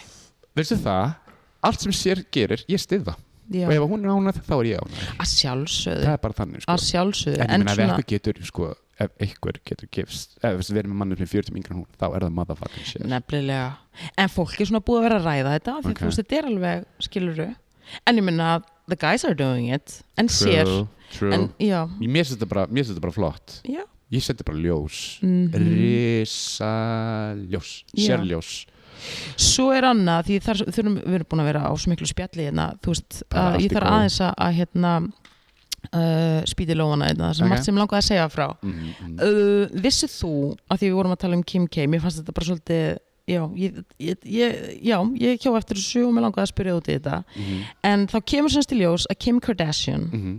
uh, hún er með náttúrulega hérna, bara risa fyrirtæki og þú Mhm. veist, það er bara Kim K Enterprises eða hvað sem þetta heitir og hún er með alls konar í Já, gangi já, já, já. nema á sinni bara prívat heimili er hún með starfsfólk Mhm. og hún bannar starfsfólkinu sínu að vera í æbandi litum þegar þú kemur til vinnu hjá Kim K Mhm. þá fær þú handbók með lit, litum sem hún samþykir og þú mátt ekkert fara út af þeirri línu Annars bara færðu the boot Já, að, og hún gerir þetta sem sagt til að viðhalda the zen á Ok. heimilinu Ok og þessi litir sem eru lefðir í þessar handbók eru kremaður, hvítur, svartur, blár, kaki og grár. Þannig að grænn, gulur, bleikur er bara out the door Þú ert rekin. Ok Hvað finnst þér um þetta? Lita handbók til að halda viðhalda seninu. Er, hvar eru, hvert eru við komin í Þetta lífinu er- þegar þetta er staðan? Ugh. Hvert eru við komin í Þetta svona... er ógæslega mikið bara svona ríkt fólk að tala finnst mér og svona verð Er að smá segja- triangle og setninslikta þessu? Það er sko, já vel orðað hjá Natalie Triangle sætinslikt að þessu um, var ekki eitthvað eitthva, eitthva mál með það að hún var ekki að borga starfsfólkinu sínu og þau fór eitthvað, þú veist, voru eitthvað brjálið yfir því, manstu, við vorum jú, ekki jú, að tala það, um var- það jú, það var smá drama. ok, Mm ég er bara svo lengi sem hún er á- ok, allt, ok, allt er góð þú veist, ok, hún á biljónar af peningum, hún syndir í sæðlum hún kemst upp með þetta, því miður Hún er komin á þennan hún stað. er komin á stað en hérna uh, svo lengi sem hún er að borga vel og þau fá sína kvildaga og sína aflika pásu Við vonum það. við, þá bara, við, bara í mínu hjarta ætti ég að vona að þau fá sína aflika pásu Mm Æ, ég en veit hvað, veitu, hvað, hvað finnst þér um þetta? Nei, Hvað bara, segir þú? ég segi bara að það er smá triangle og setninslikt að Það er Mhm. þessu rosa mikil bara slökum aðeins á en ok, all for the sun svo er annar mál, svo er hannu frétt sem að hérna ég las og e, já, ég ætlaði bara að spyrja þig hvað þið finnst um þetta uh -huh. en þá eru tveir kallmenn uh, sem, sagt, sem eru búin að svona, já uh, ætla að, hérna, eru búin að hittast og eru að hérna, menn homosexual nei, þeir eru streitt ok, two cis men, þeir ætla að skrifa bók saman og það eru mennirnir Kevin Federline barsfæðir Britney Spears Mhm. okay. og Jamie Spears, pappi Britney Spears og þeir eru semst búin að taka sér saman jú, og þeir ætla að skrifa bók og gefa út saman bók um föðurhlutverki Hvað finnst þér um það? Herðu, bara kveikið í þessu bara kveikið í þessu nei, nei, nei, nei, nei, nei, nei, nei, nei, nei. er þetta virkilega að vera að gerast? Þetta las ég í fréttunum Nei, haltu Þeir eru búin að, búin að Haltu. hittast og, og eh, Ég taka bilast. kaffifundi og bara niðurstaðan er þessi af þessum hittingum að þeir ætla að skrifa bók saman um föðurhlutverki Uh, nei, gleymið þessu, gleymið þessu, gleymið þessu Hvað finnst okkur um mér, þetta? Mér, ég bara, ég, nei, nei, nei, nei, nei, nei, nei, ég samþekki Er þetta ekki svolítið sko. Ég skrítið? vona þessi bók muni floppa feitt og ég held að hún muni floppa feitt sko. En mín spurning er bara Guys, í alvöru tala, hve, þú veist hvernig Þeir eru komast aðeins að blankir, niðurstu Natalie, þeir eru blankir og þeir eru reynið að beina haglast af Britney, það er bara þannig Ah. They're broke Veistu það, They er are broke. einhver í kringum Britney og þá meina ég að fjölskyldu meðlumum eða þú veist, hún er ekki happin sko þar Nei, You can't engan veginn, sko. choose your family Því miður Því miður, elsku kjallurki She can't catch a break Er hún ennþá hætt á Instagram?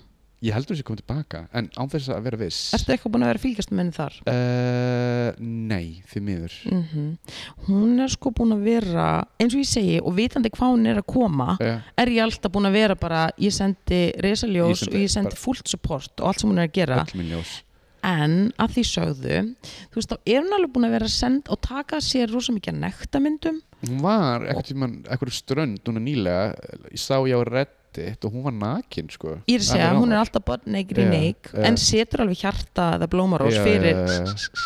skilur þau annars mætti hún ekki postinni en ég Absolutt. er samt að segja, þú veist um, hvaðan kemur sér þörf fyrir að vera að posta allir þessum nektamyndum svo hættu hún á Instagram á, á okkur tímapunkti Guð, Þetta er stór spurning sko þannig að hún er alveg búin að, þú veist en eins og ég segi, veist það, ég held sko að maður geti ekki, þú veist, mað, ég hugsaði líka að hérna, og ég, er nú, ég er líka bara núna að hugsa þú veist, hvað var þetta mörg ár sem hún var undir sko þessum þvingunum föður síns og búin að vera í þessari spenni treyju og ekki lifa lífið sínu eða geta Var ekki stróki kringum 20 ára eða ég er að segja, þú veist, það tekur tíma að lenda Já, já, já þannig að þú veist, fólk verður bara svolítið að gefa henni smá breyk og Ef- vera hérna þólum og þú veist, Ef þetta ekki tekur bara segja það Natalie ef leið, hún kemur að gera það sem hún vil gera en hún er ekki alveg lent sko. Nei, hún er ekki alveg lent Ég sko. hugsaði En það. ég ætla rétt að vona að svo lending muni gerast það mun gerast en ég held bara En það mun að taka tíma Eh, ég held nefnilega að munin taka tíma Já, já. af því að fólk getur ekki bara haldið að þú sleppur úr sko þessari ánauð Mhm. sem hún var í Hún var í ánöð að þú veist það taki bara nokkra mánu og þú ert bara orðin gurins njú Mm. Nákvæmlega en allavega, mér fannst þetta vera svolítið svona tæft En Britni fær öll mín ljós nefnilega sko svo var annu frétt Ok. uh, í vikunni eða svona sko Nick Cannon þú ert Mhm. búin að vera að fylgjast með það eru búin að vera frétti með hann Er hann ekki fyrirvendurinn að Mariah Carey? Jú. Eða ekki, voru þeir ekki hann var að saman? eignast sér tólta barn á síðasta ári hann, hann er tólf barna þaðir What? já, þú Með veist, hversu mörgu konum, í- veistu, nákvæmlega þú veist, veistu það? í- í- þú veist, ég getum googlað en það eru allavega fleiri en ein og það eru fleiri en tvær og það Ok. eru fleiri en þrjár Held- það eru fleiri en fimm, skilur hann er bara rosa duglegur Ok, okkar maður er að vinna með eitthvað svona supersperm þú veist, það má ekki blikka og þá er komið barn en þú veist, ég, og hann eignast mér þess að segja, sko barn með sikkura konunni á síðasta ári og bústlega laus girtur hann er sleeping around hann er þokkalega sleeping around, sko en anyways, hann á tólf börn Jésús, þarf ekki að klippa hann nýri eða eitthvað? herraklipping Herra, þú veist, þarna, þarna Mér niður, sýnist sko. það þetta, að er ekki- þetta er rétt hjá þetta, þetta er super, super duper sperm hann þarf allan að fara að huga að því að því að A, eitthvað er nú meðlægið Ja. og einhver þarf nú innkomin að vera til að geta staðið undir ángríns, Þetta er hann þarf að rétt, borga sko. sér meðlög sko. Já, já, já. en þá var hann í einhverju viðtali að, og var eitthvað svona eitthvað já og var eitthvað svona að hérna að tjá sig um öllu sér börn og var að segja að hann hefði ekki nógan tíma til að eyða hann hefði bara ekki nógan tíma til að eyða með börnunum sínum og væri með samskupið við því uh, sorry kall en sko sorry guy en þú veist hvað kjælstu eila að myndi Mhm. gerast eða, myndi regna, eða þú veist Ég veit, hann á barn með, eða tvö börn held ég með Mariah Carey, held ég, sko Já, en þú veist, mín, það sem ég, mér langaði þess að bara spyrja þig, þú veist, hvernig ferðu að því að eiga tólf börn Ég með veit svona það mörgum ekki, þetta er konum? mjög Ekki þá líka að fara í viðtal og segja svona með samskupið, ég meina, þú veist, what did you expect? og mér langar líka að vita hvers konar starf ætlar að fara að taka að þér þú þarf að fara að hit them Laro numbers ef þú ætlar að fara Þetta er rétt sko Hann var að kynna American Idol í gamla dag, ég mann til því já, En hérna, ég veit ekki Ég, ég er bara pínu orðlaus náttúrulega Ég veit ekki hvað ég á að segja Nema bara það að bara aðeins að endur sko þín mál og fara í herraklippingu Já, megi það verði þitt fyrsta, fyrsta verk já 2023 tveir- Nákvæmlega Jesus Mér finnst, allt er að skilja eftir sér arlið og allt það en enough is æ, ok, ég get ekki dæmt um það nei, ég bara veit ekki hvað ég á að segja sko uh, Ó, tólf, ok ok, anyways uh, ok, við erum komin svo við erum, sko tíminn er algjörlega að Allt í renna þetta frá góðu. okkur Við En- erum fyrsti þáttur ársins Við Ok. megum aðeins að vera overtime En ok, nú, uh, en ok, á síðasta ári var rosalega mikið af fólki sem að fjall frá og við erum að tala um alveg bara, þú veist, bara rosa nöfn sko og við ætlum aðeins að renna yfir hennar lista. Ok, ertu búin að stikla á stórunum? Þetta Það er nefnilega málið, þú veist, þú baðast mig að stikla á stóru en þú veist, þetta er bara, ok, þú veist, það er hann nokkur sko rip og allt, skilur við. En ok, uh, Ærin Kara, hún fjall frá, 63 ára, what a feel. Fílin Ok, Vann Óskarinn hún vann Hún vann Óskarinn. Óskarinn fyrir þetta Einmitt. Uh, hún dó í fyrra Já, og, og Risa Ljósa á, á, á hana já. og Meatloaf, hann dó líka Hann í fyrra, dó líka, já 74 ára gammal, söngvari og leikari. Mhm. Uh, Kúljó dó, Ó, 59, það er Ég engin tók- aldur. Hérna var hann ekki, veistu, man- manstu hvernig hann dó? Var hann ekki bróðkvættur? Já, en Ég þú held veist það, það. ég get ekki ímynda mér að hann hafi hugsað vel um sig. Nei, nei, nei, nei, nei, nei, nei. Hann Þetta náttúrulega var- lifði í Gangsters Paradise og alltaf, sko, nei, ég segi svona Nei, Hann en ég var meina, flottur hann var rosa flottur. Manstu þetta, Indris Minds kom út, þetta lag var allstaðar árið 96 Já, ég verð að viðkjöna, ég er ennþá ekki komin á þann stað að geta hlustað á það aftur. Nei, þetta er mjög leiðilegt lag sko, en ég man eftir, nei, þetta var 95 fyrir ekki, en hérna, já, ég fekk pínu nóg að þessu lagi sko. Já, ég er Var ennþá eitthvað já, þegar já. þar En ég samt sendir þessa ljós Síðan gera líka I'll see you when you get there, mannstu því? Nei, Á, Ok, en uh, hann fjall frá og reysa ljós er þessi ljós? Opposlega erfitt döðsfall Ann Hegg 53 Guði, það var í fyrra. Það var nefnilega í fyrra Keyrði Hún, er, ekki á hús. hún kerði á tré Nei, hún kerði á Hún Ah. hús kerði á hús. undir áhrifum og hún dó Oh. Það var rosalega Rosalega. Mhm. erfitt fyrir hann til kærstin hennar Ellenar náðu sér einhvern veginn aldrei á strik eftir það samband Nei. og, og hennar leikarferill einhvern veginn svona já, og hún virðist hafa átt svolítið erfitt uppdráttar eftir það samband Já, já, já. og apparently var hún undir áhrifum áfengis og, Já. og livja Eh, Oh. 53 ára Jesus. og sko það kveiknaði í hú, þetta var ógeðslega erfitt það kveiknaði í húsi á konu hérna sem hún kerði á Já. Eh. hún misti allt Já. einhvers konar söfnun var hafin fyrir hana hún ætlaði að kæra anheg en anheg dó svakalegt Oh. mm Reyli 8 Oh, leikari, ljós. 67 ára hann dó Hann dó og hérna, oh, bara, ég, bara, hann er æðislega leikari. Goodfellas er í mínum uppáhaldsmyndum. það er nefnilega málið, hann fremur stórleik þar og það er líka einu mínum uppáhaldsmyndum Mhm. hann féll frá, nú ok, það er rétt, ég verð að stikla á stóri til brjálaslega langur listi Ah, Ok, uh, Olivia Newton-John dó Oh. 73 ára risa.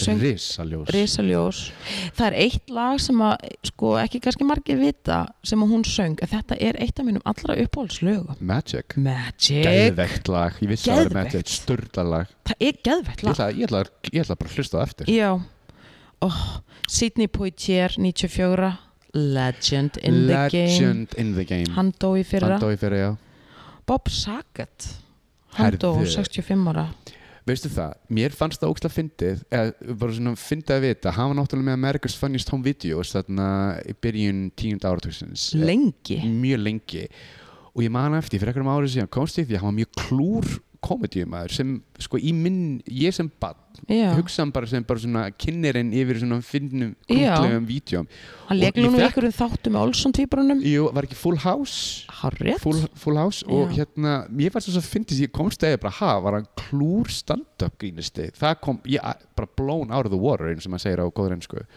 fólk er nú ofta að vera með eitthvað já, skona já, en bara, það komur óvart, ég ætla bara að segja það sko ok Nóka bara smá innlegg, mm uh, Elisabeth Breitlandsdrottning, hún dói fyrir hún það dói fyrra, Það það fór var nú- ekki fram hjá það neinum fór ekki fram hjá Það neinu, fór ekki fram hjá 94 neinum. ára Mhm. en ég meina 94 já, já, já en samt alveg, En samt alveg ljós, ljós. Sko.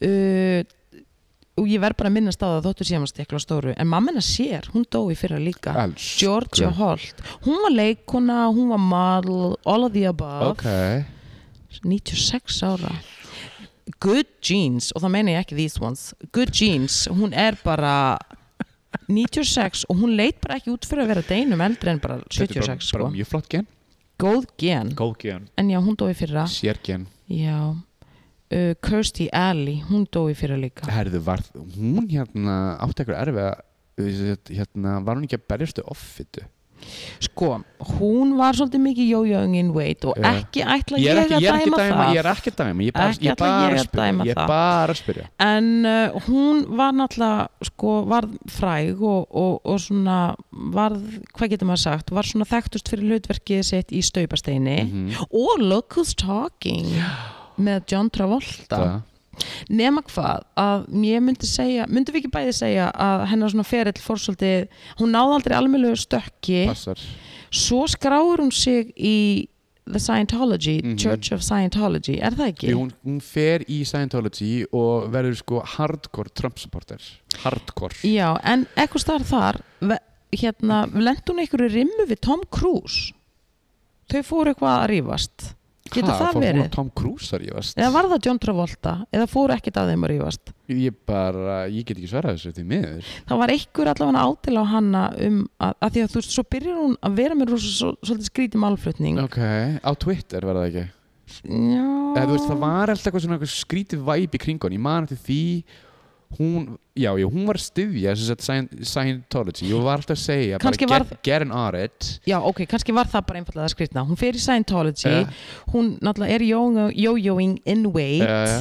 og ég held hún hafi verið að var eitthvað skona talskona fyrir hérna QAnon var ekki líka þannig, hún fór Herbalife, ætla ég nú að segja, en þú veist, eitthvað skona shake, protein shake, diet shake. QAnon, Æ, elsku, en hún átti svolítið erfitt hún uppdráttar. átti svolítið erfitt Og Hún- já, hérna, ég ólst upp með þessari konu Já, þetta var svolítið erf- já, var svolítið erfitt að horfa upp á hana, en hún dói fyrir það. Ég verður bara að senda henni ég ljós. sendi henni ljós Þetta var erfitt, Óli. Þótt að hún var alveg komin á sinn aldur, þá var erfitt að, að þegar ég heyrði af þessu hérna andláti. hver? Angela Lansbury, Oh. Murder She Wrote, 96 ára. Ég þurfti alveg að þetta setjast tók á sálina sko Já, ég þurfti alveg að Þetta setjast tók- niður. setjast niður, ég þurfti vasklasa að halda ég What þurfti a aðeins að legend. Guð minn góð Hún skilaði góðum leik, Óli. góðum, stjörnu Og ég sko 96 ára og þessi þættin Murder She Wrote, mér langar svolítið að fá það aftur tilbaka. uh, þú getur alveg hort á það á netinu Á hvað streymið sveitu? DM fyrir ég info. DM fyrir info Ok, fine, in anyways Já, en bara þetta tók á, virkilega þættir. þetta tók á já, Natalie. já rosa góða minninga með Angela ég Lansbury líka og bara takk fyrir, thank you for everything Bara takk fyrir mig, bara takk bara, en, bara sumleðis svo var rosa erfitt auðvitað líka í fyrra hvað? hérna, og allt og ungur allt og ungur, Hver? Stephen Twitch sem að, hérna, fertugur Bittu. hann dó, fjall fyrir eigin hendi hann var þess að DJ-in í Ellen þáttunum akkurat, akkurat, akkurat ég þurfti smá og apparently var hann að pródusera líka Já. yeah. hann og tvekja banna fæðir og búinlega fallið fjölskylda sem ég skríti sko, rétt áður en sko, hann fjall fyrir einn hendi þá hérna tvitta hann að bara takk fyrir líf eða svona að, bara, að maður þakka fyrir allt einminna, það var rauglega hans goodbye getur verið hrikalegt mál, en hann var algjör ljósberi, já, hann var það algjör ljósberi og bara opaslega erfitt sko Mhm. en já, og svo dó Vivian Westwood líka ég veit það, það var það, það líka end of an era og End bara, of an era. þú veist, einmitt takk fyrir allt sko Já. og önnur kanuna uh, Barbara Walters, 93 já, hún, já, já, já, já, já. akkurat, rosa listi og ég, þetta er ekki einu svona tæmandi listi en ég þurfti bara, er, þú veist já, já mér langast til að bæta í Anita Baker úr Pointer Sisters, hún dó núna nýla rétt undir, hún Guð, dó 30 eða á gamlástak já, það, Barbara Walters dó á gamlasta, Já, og það er dóið saman degi, degi, já ok Óli við sendum ljós, bara ekkert nema ljós, ekkert nema ljós rosalegt en hérna þá voru fleiri en við sendum bara ljós á þetta alltaf, Bara allt á saman. allt þetta góða fólk og Deili. alltaf erfitt þegar góðir falla frá sko. en hérna ertu að horfa á eitthvað skemmtilega þætti sem hún getur mælt með Sko ég, eh, ég veit ekki, ok, ég ætla bara að segja straight out, ég er búin að horfa yndur rosa mikið að bíumundum undanfærið, en ég man ekki hvort ég er búin að mæla með þess að þáttum, en ég er sem sagt uh, The Bear á Disney Plus. Já, þeir eru góðir Þeir Þeir eru eru rosalega góðir. triggerandi, en hérna verður þess Já. að ég er náttúrulega unnið í veitingabransanum og Já. og minn mér rosalega mikið oft svona hvernig veitingabransin getur verið Stressandi stressandi og bara já, triggerandi og erfiðar. Já, Já, ég mæli klálega með þessu þáttum sem fjallar um mann sem hérna eh, sem sagt fær í arf samlokustaf og er að reyna að byggja hann upp og já, er sjálfur stjórnukokkur er sjálfur stjórnukokkur og hérna Og svo He's gerast Got His hlutir. Demons þetta ég bara mæli eindreið með Já. þessu þá, þá, þáttum sko Já, síðan, na, Natalie, ertu samt búin að fylgjast eitthvað með hérna þeir eru að fara að byrja að skjóta season 2 af Yellow Jackets er ekki bara búið að skjóta það? Nei, þeir eru að því núna sko og ég get ekki byðið eftir Get það, ekki veistu beðið. það ég er að pissi í maður spenningi sko Já, að ég segja reitt ok, já það er búið að hérna, annánsa, annánsa tilkynna hverju verða í hérna, leikurunum Mhm. Elijah Wood verður e- einn af leikurunum Ok, og síðan er bara einhver franskur leikari sem algjör honeybú sem kemur inn sem sko kærasti hérna þjálfarans sem hérna var sem sagt, mistan já, já, já, ok kærastin hans Kærastinn, já, hann kærastinn var hans já Ó. og þau vil ekki segja meira, ég er eitthvað ok, og Ok. fólk vil meina sko að þið verða eiginlega, ok, ég ætla ekki, ég, ég, ég ætla ekki að segja mér, þið verða eiginlega bara að horfa á Yellow Motherfucking Jackets, þetta er Ég- yeah. störtlustu þættir sem ég hef horft á. Geðveikir. Ég ætla sko að horfa á seríuna back to back, bara rétt áður en að seríja season 2 kemur ég sko. myndi gera það, það eru nokkra mánuði það Er nokkri manni Já, en ég býð spenntur okay. Ert þú horfað á eitthvað? Ég er búin að náttúrulega horfa á ógæðislega mikið, ég verð bara að segja En það. eitthvað sem, sem stendur upp úr? Sko það sem ég svona í fersku minni, já það er allavega tveir sem ég langar að minnast á. Uh, ég horfði á mjög skemmtilega þætti Ok sem eru á Amazon Prime mm og heita American Gods. Já þar sem að ég er veit hvað verið þetta að taka svona, uh, svona guð, svona hérna, já, er. Ok, verið að taka svona the- hérna guða guða pælinguna inn í nútíma pælingu ok og uh, óðinn er þarna og, og, og það eru þarna alls konar guðir og það er svona það er Battle of the Gods Ok, og þeir eru ógeðslega flottir Ok. og velskrifaðir ok, og ég ætla að mæla með ok American, God. Gods á Amazon Prime Ok, svo ég algjörn trúnaði, nei nei ég, ok, ég ætla bara að- að opna mig með þetta mér fannst þetta góð þettir, Magpie Murders Magpie Murders já, þeir eru á stöð 2 plus eða, eða DM og Óla fyrir info Ég hef Þeir ekki um geta- heitum sem þætti það er nefnilega máli þetta eru svona þetta eru þættir um hérna sem að fjalla um uh, konu sem er rittstjóri Já, og hún er að rittstýra auðvitað bókum en hún fær til sín hérna, eh, og það er sem sagt spennusagna höfundur sem er að skrifa svona, svona eins og Agatha Christie Aha, skilur aha, uh og þetta er svona, þetta er rittröð og þetta er hérna í einna þeim röðum og þetta er svona whodunit Ok Bókmyndir. Ú. og, ha- og hún fær til sín bók til að, að hérna, fara yfir nema þá kemur í ljós að það vantar síðasta kaplan Ó, og svo bara deyr höfundurinn dulaföllum döðstaga ok Ah. og hún alltaf bara, herru, ég er ekki mennin að bóki höndunni sem ég, nefn ég sem ég síðasta kaplan Já.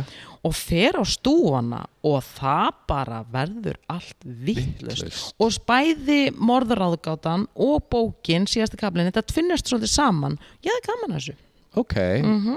er ykkur fræði leikarar?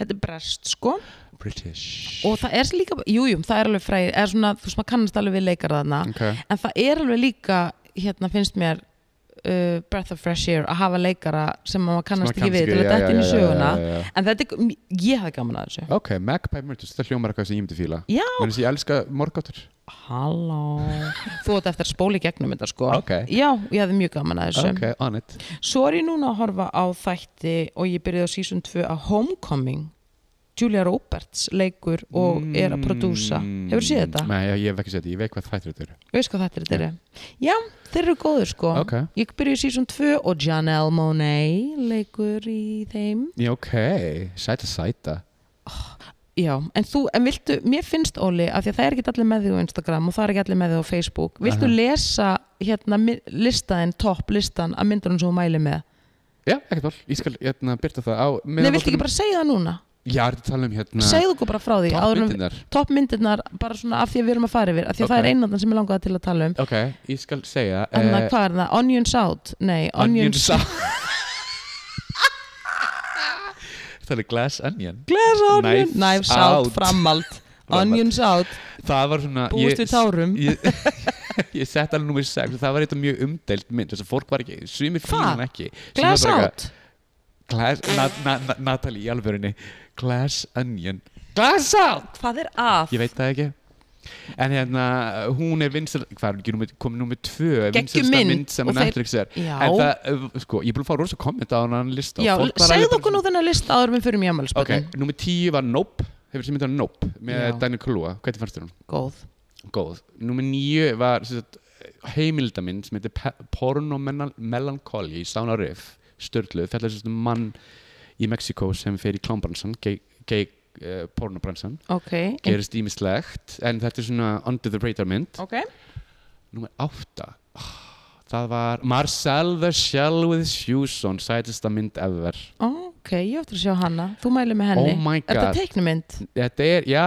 teknimynd í heimildöðu stíl fjallast þetta um svona skél sem er í svona skóm og er að leita fjölskyldunum sinni Shelto? Shelto Henni fyrir svona veljilu Þetta er Marcel the Shell with Shoes on Ógislega sætmynd Ok, æði Hvað er nummer sjö? Uh, du- du- du- du- du- du- du- du- du- du- du, Ég man það ekki Ég man að Viltu ná í símaðinu eða þú ert ekki með þetta að feysa? Jú. Að þetta var svolítið góðu listi Já, allir eru búin að kommenta á hann Já, þú verður nefnilega að spread the gospel og leifa þeim sem að er að hlusta að hérna, heyra hvað hva, hérna, hva var topp 10 hjá Og þér. Sko, ég var Þetta er man, flott hjá Róli. Takk, skan Ég mæli með að hún gerir þetta aftur í, í lokás. Herðu, ég bara absolutt myndi með sjá du, du, du, du, du, du, du, du, du, ég man ekki hvað nú sjö var ég ætla að koma aðra koma aðra koma nú sjö já Weird Al Weird Al Jankovic story þetta er sett gama mynd um sögu Weird Al Jankovic og hún er svo fáralega fyndin Að Þetta er- hún það? er þessi mynd er svo fyndin Þú veist, þú veist alveg hvað hérna, Naked Gun sögurna eða þessi Airplane og svona stupid humor Já. hún er alveg þar sko Hvar get ég séð þessa mynd? uh, DM Ok, Eh, Þannig Glass Onion nummer 6 Hvað viltu ræða var þetta Glass Onion? bara hún er geggjuð, allir að sjá hana? Ok Nei, mér fannst það bara hún, hún, geggjuð. Mhm. hún, hún er geggjuð sko. Nummer 5 var Boiling Point sem er breska mynd, hún var hún var one take mynd Já. gerist inn á einu, einu veitingastað Hún var sínd hér. hún var, hún var sitt í Bíóparadís eina af minnisvæmstu myndum ársins hér og st- bara, pff, hún er mjög tryggarandi mjög Fyrir fólk Mjög í bransanum. já, bara yfir höfuð Ok. Númer 4 indislega heimildamind, velkomin Árni Ræðum það. Velkomin Árni er æðisleg. Óli. æðislega mynd sko Og mér langar bara að segja, sjárátt á Viktoríu Hermannsdóttur, veistu bara það? sjárátt líka á Allan og Sóla Bara Já, öll vel gert og sjárátt á Vel gert. Árna. þessi mynd mun bóka vinnaðuna sem Já. besta heimildamyndin Já. ef ekki þá mun ég sko Þetta er brjóta æðisleg einhverja mynd. glugga hérna. Þetta er æðisleg mynd og ég Æðisleg mæli mynd. með ef þið eru ekki búin að sjá hana, hún er á sarpnum þá er hún á sarpunum og rúf. Þetta er óbáslega falleg mynd. Ofboðslega falleg mynd. Oh, uh, Númer þrjú var mynd sem heitir The Banshees of Inisherin sem er með Colin Farrell the Banshees of The Insurance. Banshees of Inisherin ég veit ekki hvað þetta er að segja þetta rétt þetta er ískmynd uh, í, sem sagt, og það er talið að Colin Farrell mun vinna Oscarinn fyrir þessa mynd Nú, þetta er svona Oscar contender um hvað er hún? Fjallsins gerist í Írskuðu þorpi árið 1920 eða svona byrjun aldarinnar og það eru tveir menn og þeir eru mjög góði vinir eða, be- eða bestu vinir, einn góðan vega dag eh, segir annar maðurinn ég nenni ekki lengur að vera vinniðin farið burt úr mínu lífi, láttu mig í friði og hann skilur ekki af hverju hvað hann, hvað hann hefur gert og upp úr því byrjar svona atbyrjarás sem hérna er bara fárlega góð mynd sko, Ok. mælum með Ok. og hérna, hún er einmitt að byrja í bíupartís í næstu auku Nei, Já ok, það er spennandi. Mhm. Ég ætla á hana. fokkalega Númer tvö er Everything Everywhere All at Once Hefur þið séð hana? Nei. Bituna. Um Þetta hvað er er hún? bara Vá, þetta er svo flókin sögutræður Þetta er bara svo ógæðslega góð mynd Fjallast þetta um konu og mann uh, Kínversk uh, Þau eru svona þvottás Já, síðan kemur í ljós að ég er það eru búin að sjá aðrar hana. Vittir Óli, það er ekki hægt að lýsa þessum sögutræði. Ég veit að það er rosa erfitt að lýsa sögutræði Í svona fljótu bræðu sko. Veistu hvað ég hugsaði, ég er búin að sjá hana, hún er geggjuð, en Mhm. þetta er samt held ég ekki mynd allra, Með enga veginn en ég sko. hugsaði, uh, þeir sem að skrifu þessa mynd eru 100 p búin að taka annarkvort sveppi, síru eða all of the above. Myndir ekki segja það? ég myndi segja það Þetta er svolítið Þetta psychedelic. er svolítið psychedelic sko. og að ég segja eitt ógæðslega fyndið Það Já. er talað að þessi mynd muni vinna Óskarinn Hvað finnst þér um það? Ég er ekki að djóka, hún er bara svona bara ef þessi mynd vinnur ekki Óskarinn þá verða sko eitthvað rúður brotnar hérna í Hollywood Ég ætla nú bara að fá samt að segja, Óli, þú veist, um, ég held einhvern veginn samt að Óskarinn sé aðeins íhaldsamari en það já, já, já, já, já. Ah. að hleypa þessari í- hún í verð- styttuna. Nei, hún verður alveg, hún verður tilnæmt hún verður tilnæm sko. en sem vinnar, en, I don't think so en Michelle Yao sem leikur aðhluturikið, hún er spáð sigri já, og fyrir þau ykkur sem að sjá myndina Crouching, Crouching, Crouching- Tiger Hidden Crouching Dragon þá leik hún aðhlutur, hún er Geggjuð geggjuð leikkona, maður. sko, Jesús geggjuð minn leikkona, sko. almáttugur. já, og síðan, já, síðan nummer eitt Triangle Sadness sem þið getur séð í bíopartís bum Boom, there we go drópaslega flottu listi, Óli Takk, elskan. viltu setja nú Instagrami hjá með á nótunum Já, ég skal gera uh, þannig að fólk getur svona haft það Já, eða ekki jú en uh, við erum komin í ammælisbönnin Fíla við erum bara komin á þann stað við erum 1. janúar það Aha. Grand Master Flash 65 ára Grand Master Flash Rapparinn, já já 1. janúar Hvað, er- hvað, ertu með hvað, 65 ára 65 ára fyrir ekki, Ok. okay. sagður það, sagður Já. það Guð, Ég datt út, afsaka uh, 2. janúar Dags Shepard 48 æ, já, ok Við skulum uh, 48 ára hann er með podcast Ok. uh, skiptir ekki allir máli En en ekki leikari hann er Líka. leikar líka, Já, já. bara flottur strákur Ok Cooper Gooding Jr. 55 ára Guð, Jón Gnarr átti ammali 2. janúar 56 Ljós Ljós Greta Thunberg, tvítug hún átti ammali Hvað finnst þér um þetta fjút milli hennar hann að þrótið hann Það finnst þér, oh, Hva- hvað heitir já, hann ræ- Eh, aftur hann Er ekki bræðið í næstu Hva- hætti eða Hvað eitthvað gerðist þar? Eh, Viltu eitthvað ræða? Herðu, Herri, ef að fara til svona, Eh, Nei, tölum bara um það í, í næsta þetta gerum topic. það af því að það er alveg topic Það er topic sko. uh, Mel Gibson átti sama elsku uh, Já, hérna, hann átti ammali Eva Ósko hún til hamingjum Já, ammali já, gerð það Allir, Ok. allir var ljós uh, 4. janúar Michael Stipe 63 ára Söngur R.E.M. Já, E Hefur verið R.E.M. fan? Hefur þú fílað eftir, um lög eftir R.E.M.? á ég verið hreinskilin Já, Nei ok, ég líka uh, 5. janúar Bradley Cooper Ok, flottur 48 Diane Keaton 77 ára gömul Hún er Er hún æðisleg 70? Veistu, ég held að hún var 50 Hún lítur svo vel út Nei, hún er 77 Good jeans Good jeans Ógisla góð Robert Duval, hann er búinn að skila góðun leik 92 ára Ok, flottur uh, 7. janúar Hilaria Baldwin átti ammalið 39 Er það dóttir Alec Baldwin? það er nefnilega konan hans Hvað er but það? one would think þau er líka svona 12 börn eða eitthvað líka Nigella Lawson 63 ára Er það ekki bresk leikona? nei það er stjörnukokkur og ég elska Guð. hana Já, já, já, Elsku. já, já, já, já, já, já, já, fyrir ekki Þetta er svona Yeah. og Rowan At Atkinson Mr. Bean 68 ára ljós nefnilega 7. janúar Nicolas Cage 59 59 59 Vá, 59 Guð minn Ok, almáttugur. þannig að verður 60 á, á næstari Mhm. Það verður hlöðuball það var nefnilega höfubal Kenny Loggins átti amali 7. janúar The one and only Siggi sem gerir Footloose Já, Ok við verðum að ósku honum til Ég, hann hann fær all bara- Jeremy Renner átti amali 52 elsku, hann elsku lendi ykkur kallinn. snjómokstu slissi og er bara að jafna sig hann er og mér bara okkar að senda ljós Í mig- Ég bara að með þér I, I got you covered there girl mm uh, það veit hann kannski ekki og mun, hún er ekki búin að láta mikið til sín taka en hún er Íslandsvinnur og þar er leiðandi allir óskunni til hamingjum með amali Sara Polly 44 Já Já, ekki ykkur um myndum inn á uh, Shirley Bassey 86 ára Ljós 80, svo eru komin í daginn í dag Ok uh, J.K. Simmons leikari 68, hann er geggja leikari, Geggjaður leikari. 68 ára og svo söngvarinn Hathaway 58 What is love, baby don't Ok, anyways Þannig að þetta eru ammálisbötnin, Óli Mér var Sing Hallelujah betra lag með honum sko Bæði bara flott, sko, Já. en það er líka geggjala Gekkja lag Heyrðu Óli Hjörtur Ólusson, þetta, þetta gátu við Við komumst í gegnum Við þetta komst í gegnum þetta Við erum komin á enda Við erum komin enda stöð En Ga- uh, gaman að vera með þér, Óli Og gaman að vera komin tilbaka og gaman að vera komið tilbaka Alltaf gaman að hitta virkilega. þig. og bara, og hér verðum við í Mhm. vetur, í Bíóparadís Mhm. þar sem að, að hérna bara gaman er lifir Þið finna okkur í paradísinni og hér verðum við, þannig að Óli, ég ætla bara að segja uh, takk fyrir mig og gaman að vera með ykkur og þangu til næst Bara takk fyrir mig kærlega Takk Og fyrir mig. við sjáumst þetta viku gerum það, Ok. ok, Bye. bye.